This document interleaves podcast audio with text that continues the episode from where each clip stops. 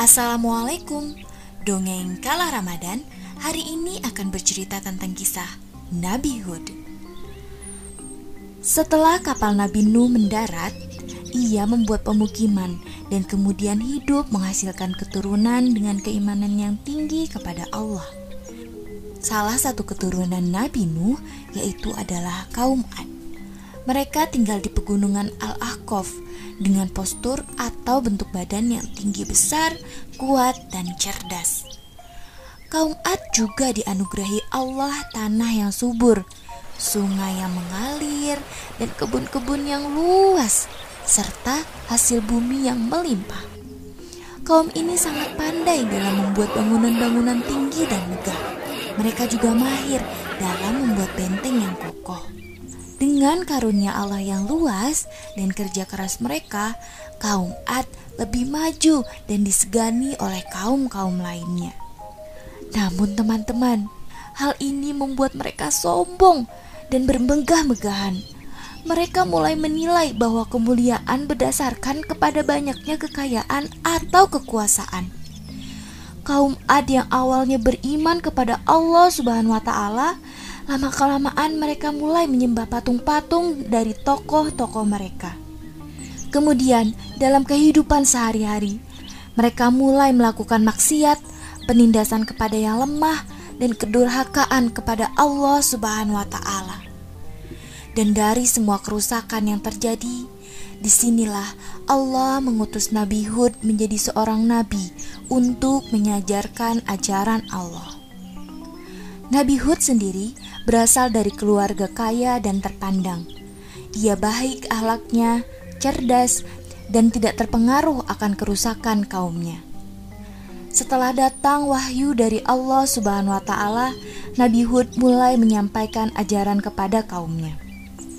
Hai kaumku, sembahlah Allah, sekali-kali tidak ada bagimu Tuhan selain Dia. Kamu hanyalah mengada-ngadakan saja. Hai kaumku, aku tidak meminta upah kepadamu bagi seruanku ini. Upahku tidak lain hanyalah dari Allah Subhanahu wa taala yang telah menciptakanku.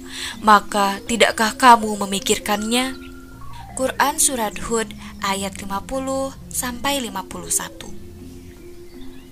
Nabi Hud terus berdakwah dengan sabar dan tidak putus asa. Ia terus mengajak kaumnya untuk beribadah kepada Allah Subhanahu wa taala agar terhindar dari azab Allah dan tidak memiliki nasib yang sama dengan kaum Nabi Nuh. Namun, kaum Ad tetap saja menyembah berhala dan mereka berpikir bahwa Nabi Nuh lemah akal dan atau gila. Hai Hud, kamu tidak mendatangkan kepada kami suatu bukti yang nyata dan kami sekali-kali tidak akan meninggalkan sembahan-sembahan kami karena perkataanmu, dan kami sekali-kali tidak akan mempercayai kamu. Kami tidak mengatakan, melainkan bahwa sebagian sembahan kami telah menimpakan penyakit gila atas dirimu. Quran Surah Hud ayat 53-54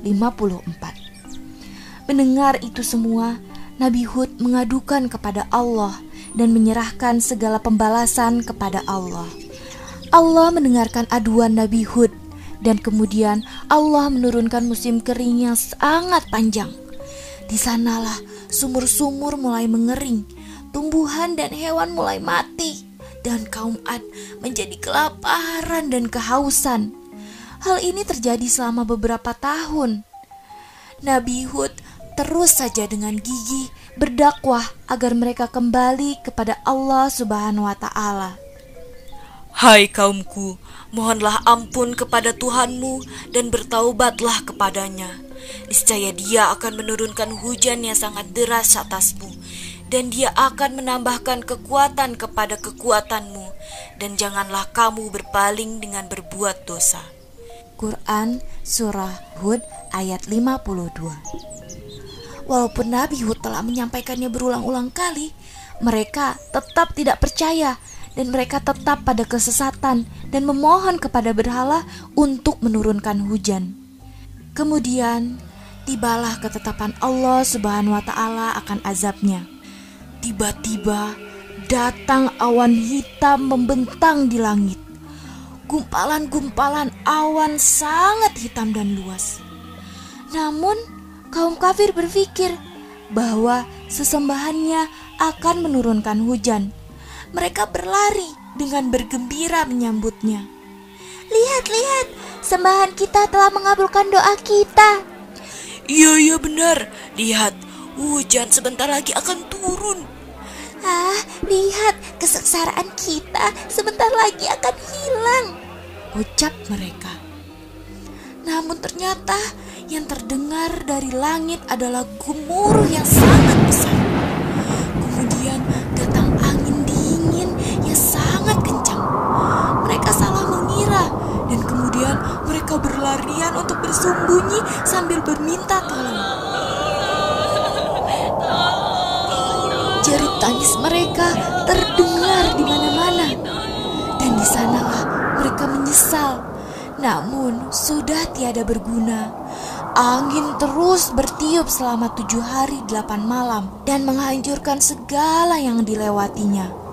Pohon-pohon, gedung-gedung, rumah, patung-patung berhala, semua rusak tiada bersisa. Setelah tujuh hari delapan malam, angin tersebut berhenti terlihat kerusakan di mana-mana.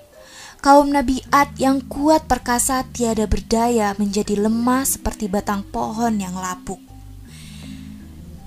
Dari semua peristiwa yang telah terjadi, hanya kaum Nabi Hud yang selamat. Mereka kemudian hijrah dan hidup sejahtera di tempat barunya. Dan di sanalah Nabi Hud wafat di tempat yang baru. Nah, teman-teman, dari kisah Nabi Hud ini kita dapat belajar bahwa segala kekuatan, kepintaran, dan keperkasaan yang ada dalam diri kita adalah milik Allah Subhanahu wa taala. Dan ini adalah titipan, maka sebaiknya kita gunakan dengan sebaik-baiknya. Dan segala titipan ini jangan dijadikan sebuah kesombongan, karena ketika Allah ingin mengambilnya dengan gampang, Allah akan mengambilnya. Selamat berpuasa. Assalamualaikum.